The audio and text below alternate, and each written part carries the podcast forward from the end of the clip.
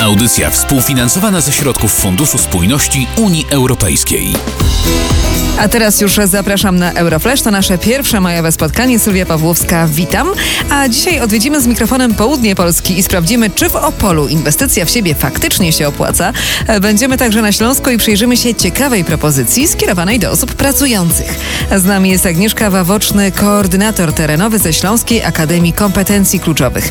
Pani Agnieszko, do kogo konkretnie skierowane są Wasze szkolenia i czego można się tutaj nauczyć? To są szkolenia dla osób pracujących powyżej 25 roku życia. Szkolimy z zakresu języka angielskiego i z zakresu umiejętności komputerowych. A czy ktoś, kto trochę już mówi po angielsku, także może się zgłosić? Oczywiście, jak najbardziej szkolimy na wszystkich poziomach zaawansowania.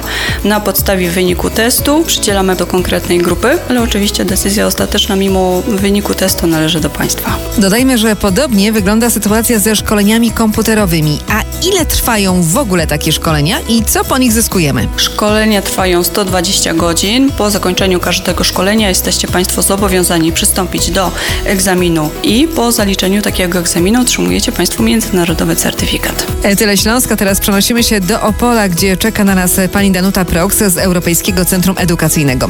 E, Pani Danuto, projekt Inwestycja w siebie to się opłaca, ma pomóc młodym ludziom wejść na rynek pracy.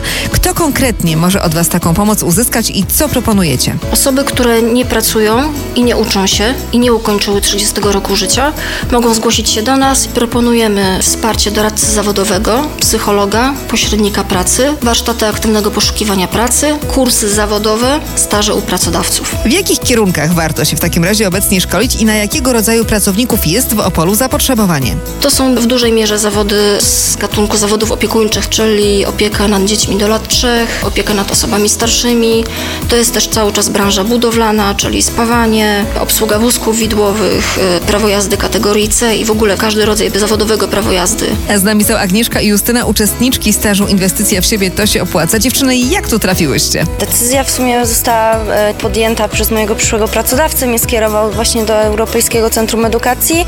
Kurs się nazywał Opiekun osoby starszej, chorej i niepełnosprawnej. Ja jestem młodą mamą i po prostu po macierzyńskim trzeba jakoś wrócić na rynek pracy. I warto korzystać? Naprawdę warto skorzystać, bo są super zajęcia, w ogóle super projekt, także polecamy. Pani Danuto, czy za takie szkolenia młodzi ludzie muszą Wam zapłacić? Nie, uczestnicy nie ponoszą kosztów. Powiem więcej, za udział w kursach zawodowych i w stażach u pracodawców wypłacamy stypendia szkoleniowe i stypendia stażowe. Zainteresowani? To zajrzyjcie na stronę Fundusze Europejskiego.pl. Tam w zakładce Sprawdź ofertę dla osób młodych znajdziecie wiele ciekawych propozycji dla siebie.